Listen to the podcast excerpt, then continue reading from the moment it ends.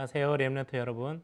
우리 또 전도자 여러분. 세계복음화의 큰 응답과 하나님이 주시는 중요한 힘을 얻는 그런 하루가 되길 바랍니다. 오늘 아주 짧은 시간이지만 하나님의 말씀 가지고요. 여러분들이 힘을 얻는 그 비밀들을 여러분들이 오늘 또 누렸으면 좋겠습니다. 혹시 우리 렘넌트들은 어, 제가 이렇게 말씀을 드리면 아, 하나님의 말씀을 가지고 내가 힘을 얻는다. 이게 실제로 이렇게 피부에 와닿지 않는 사람들도 있을 겁니다. 어, 굉장히 중요한 부분인데요. 여러분들이 어, 삶을 살아가면서 하루하루를 지내가면서 정말 하나님의 말씀 때문에 내가 힘이 솟고 이런 응답들을 여러분들이 꼭 맛을 봐야 여러분들이 혹시 아무도 도와주지 않는 현장 속에 있다 할지라도 나중에 이제 청년이 돼서 직장에 가고요. 대학에 가서 홀로 여러분들이 이제 대학 문화, 세상 문화에 여러분들이 거기서 버텨내야 할 때 하나님의 말씀이 얼마나 힘이 있는지 그 속에서 여러분들이 힘을 얻는 비밀, 기도 속에서 하나님이 주신 응답을 찾는 비밀 이걸 여러분들이 꼭 가지고 있어야 합니다. 그래서 기도 수첩이라는 걸 가지고 여러분들 지금은 훈련이라 생각하지만 나중에 여러분들에게 굉장히 삶의 중요한 부분으로 차지할 만큼 여러분들 말씀 가지고 그거 붙잡고 기도하고 그 속에서 힘을 얻고 응답을 찾아내는 어, 여러분들만의 비밀들을 꼭 놓치지 않았으면 좋겠습니다. 어, 오늘은 제목이요. 이스라엘의 랍비 운동과 초대교회 전도 운동.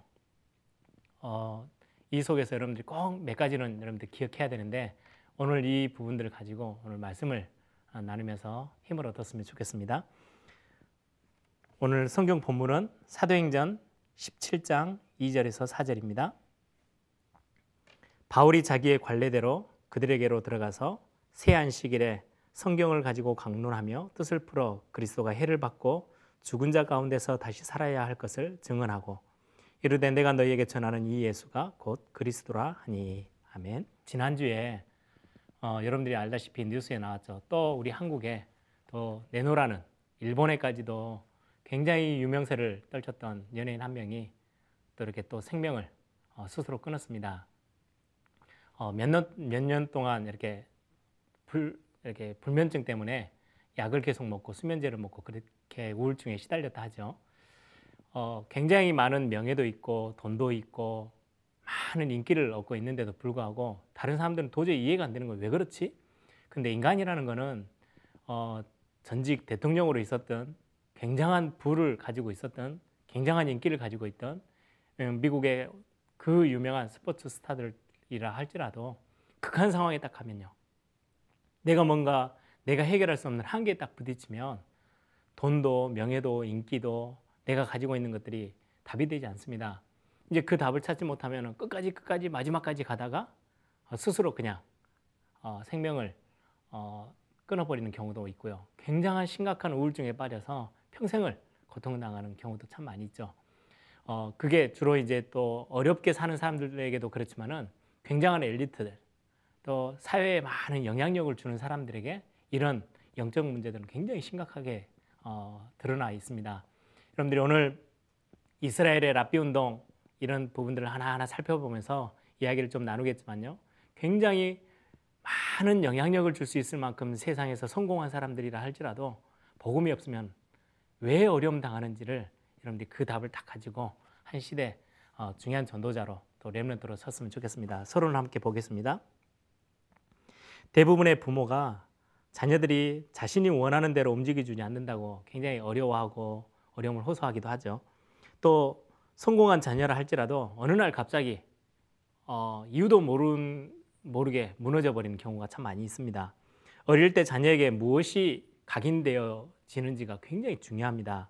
어, 각인된다는 말은 꼭 도장에 새겨지듯이 그 어릴 때 뭔가가 우리 생각과 우리의 마음과 우리의 근본에 들어가는 부분들을 말하는 거죠. 우리 어릴 때 자녀들 어느 누구든지 마찬가지입니다. 그게 뭐가 들어가 있는지가 굉장히 중요합니다. 복음으로 각인되어진다. 이건 굉장한 축복이죠. 우리가 어릴 때부터 어린이 전도신학원, 청소년 전도신학원, 또 뭐 대학 많은 훈련들 수련회로 렘넌트 대회로 하는 이유가 어릴 때 이 복음이 각인되어 들어가도록. 그럼 어느 중요한 순간에 어, 복음이 나오겠죠. 어, 그래서 그런 훈련들을 하는 겁니다. 복음이 우리 렘넌트들에게 각인되어진다면 지금 눈에 보이는 큰 변화가 없다 할지라도요. 지금의 모습은 아무것도 아닌 것처럼 보여도 절대 실망할 이유가 전혀 없겠죠. 언젠가는 변화될 것이기 때문입니다. 왜? 복음에 능력 자체가 대단하기 때문에 이스라엘 사람들은요 어, 랍비 운동을 굉장히 중요하게 여기면서 그 말은 어, 굉장한 지도자를 세워놓고 후대들에게 굉장한 것들을 심었습니다. 그 결과로 굉장한 많은 어, 시대를 움직일 수 있을 만큼 많은 영향력 있는 지도자들이 세워놨죠. 우리 렘런트 훈련을 앞에 두고요. 또 이번 여름에 렘런트 대회도 있고 많은 훈련들이 있죠. 언어 캠프, 학업 캠프 많이 있는데 어, 우리는 이스라엘이 펼쳤던 그런 랍비 운동 참고해야 되겠고요. 또 초대교회가 완전히 한 시대를 뒤바꿨던 전도 운동도 우리가 참고하면서 우리 후대를 놓고 기도하는 그런 축복된 또 한 달이 되어지길 바랍니다. 첫 번째입니다. 이스라엘이 가지고 있었던 랍비 운동.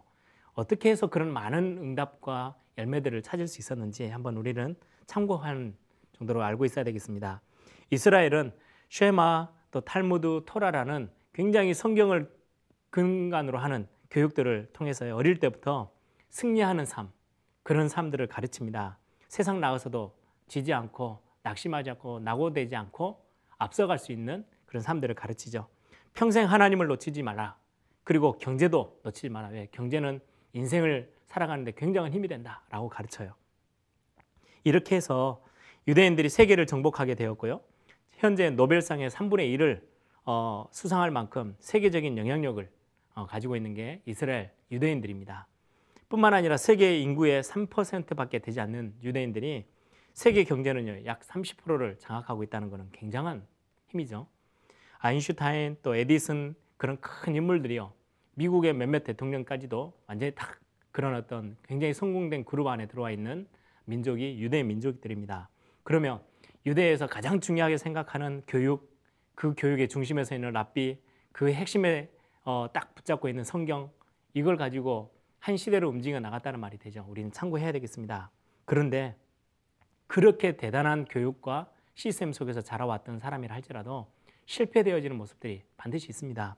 세계를 정복하고 있음에도 유대인 또 엘리트 세상에 영향을 주는 사람들이 지금도 어려움을 겪고 있고 실패되어지는 모습들이 참 많이 있습니다.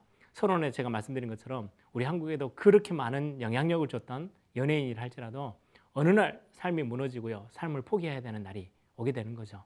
이때는요. 아무 답이 없기 때문에 그렇습니다. 왜 그렇게 할까요? 이유는 참 인생의 답이 되어지는 복음을 놓쳐버렸기 때문에 그렇죠. 유대인들은 율법을 완전히 지켜야 구원받는 줄 알고 있고요. 대부분 율법적인 종교를 붙잡고 있습니다. 그러다 보니까 행위도 강조되어지고 당장 그 행위를 올바르게 살고 참되게 살고 이런 것을 강조하기 때문에 뛰어난 것처럼 보이지만 이상하게 일어나는 눈에 보이지 않는 영적인 문제는요. 절대로 답을 찾지 못하기 때문에 해결하지도 못하고 결국은 실패하고 마는 것입니다. 안타깝게도 원죄나 영적 문제 이런 영적 비밀에 눈에 보이지 않는 부분에 있어서 성경에서 말하는 이 부분은 완전 까막눈이에요. 알 수가 없어요. 아무리 엘리트라 할지라도 그 시대적인 영향력을 주고 있는 유대인이라 할지라도 올바른 복음에 대한 눈이 없기 때문에 이런 영적 부분은 완전히 어, 다 놓쳐버리고 있는 거죠. 복음을 몰라서 실패하고 마는 그런 모습들을 우리는 잘 알고 있어야 되겠습니다. 초대교회는 반대로 너무 연약한 존재들이 시작한 것처럼 보이는데 완전 성공했죠. 그들이 가지고 있었던 비밀입니다. 이스라엘과 전 세계를 살리려면 교회 안에서 먼저 복음을 올바르게 전하는 그런 전도 운동이 일어나야 합니다. 교회에 전도 운동이 일어나기 시작하면요. 초대교회가 누렸던 그 3천 제자들이 그 핍박 속에서 세워지고요. 예루살렘 전 지역에 전도 운동이 일어나는 것들을 우리는 보고 알고 있죠. 성경에 기록되어 있죠. 이것처럼 하나님께서는 모든 응답의 문들을 우리 삶에 또 여실 것입니다.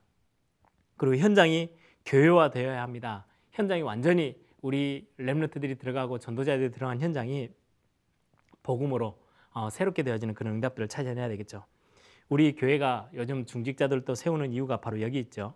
중직자들이 현장에 서서 들어가서 불신자들에게 우리 렘너트들이 불신자들에게 어, 복음을 전하고 빛을 전할 수 있는 밝힐 수 있는 그런 중요한 어, 주역으로 서야 되기 때문입니다. 이 빛은 흑암, 혼돈, 공허 중에 비치는 빛이고요. 창조의 빛이고 예수 그리스도의 빛이 바로 우리가 비춰야 될 빛입니다. 비추기만 하면 초대교회가 받았던 그 응답을 그대로 받게 됩니다. 어, 세상에는 굉장히 영향력 있는 사람들이지만 영적인 거 하나 몰라서 다 무너지고 있고요. 우리는 연약한 존재인 것처럼 보이지만 창조의 빛, 이 복음의 빛, 이 능력을 알고 있기 때문에 조금만 우리가 기도하기 시작하면 우리를 통해서 세상 살릴 전도 운동이 일어나는 거죠. 이게 차이입니다. 우리는 오늘 우리 렘넌트들을 향한 또 우리 이번 여름에 우리 많은 렘넌트들이 전 세계적으로 몰려오고 같이 우리가 훈련해야 되겠죠. 홈스테이도 하고 이런 부분들을 딱 알고 기도 제목으로 던질 수 있는 그런 우리 귀중한 전도자들 또 렘넌트들이 돼야 되겠습니다. 포럼의 주제입니다. 나의 마음 속에는 무엇이 다 각인되어 들어와 있는지 복음이 각인되어 있다면 반드시 나와 내 주변 미래에는 참된 복음을 전하는 전도 운동이 일어나게 됩니다. 하루 종일 내 마음과 생각 속에 내 영혼 속에 복음이 담길 수 있는 그런 어떤 응답들을 여러분들이 오늘 하루도 찾아내길 바랍니다. 어, 7월 말에 있을 우리 세계 렘넌트 대회 리더 수련회 한 1,500명 정도 됩니다.